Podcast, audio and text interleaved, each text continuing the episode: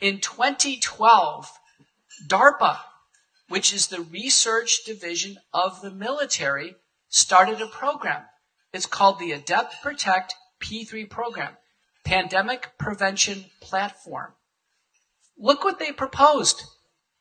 They said, listen, we are going to use gene encoded vaccines as a new category of preventive measures based on RNA or DNA. And in this approach, we will stop a pandemic within 60 days. Within 60 days, in 2012, this was started. When President Trump came out and said it's Operation Warp Speed and they're going to develop vaccines, it would have been nice if he was prepped or Anthony Fauci was prepped to say, listen, we're working on this. We've been working on this since 2012. This is not new. This isn't warp speed. This is 10 years in coming. The deception out in the open that this was rapidly developed, that there was all this stunning innovation. The contractors, Moderna got its first multi-million uh, million dollar contract in 2013.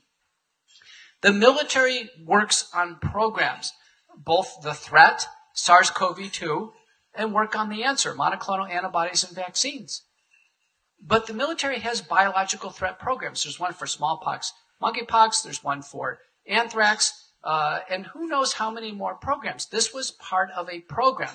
But the military came up with the idea of messenger RNA vaccines, not Pfizer or Moderna, not Operation Warp Speed. It wasn't in response to what was, you know, came out of Wuhan, China. This is a military program. When it was announced by Health and Human Services, Alex Azar, the Department of Defense, that's who entered into this, you know, ushered us into the vaccine era.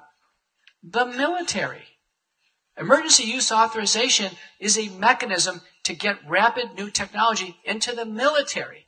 It's not, it's not a mechanism for the public. Its first application broadly to the public was with the COVID 19 pandemic.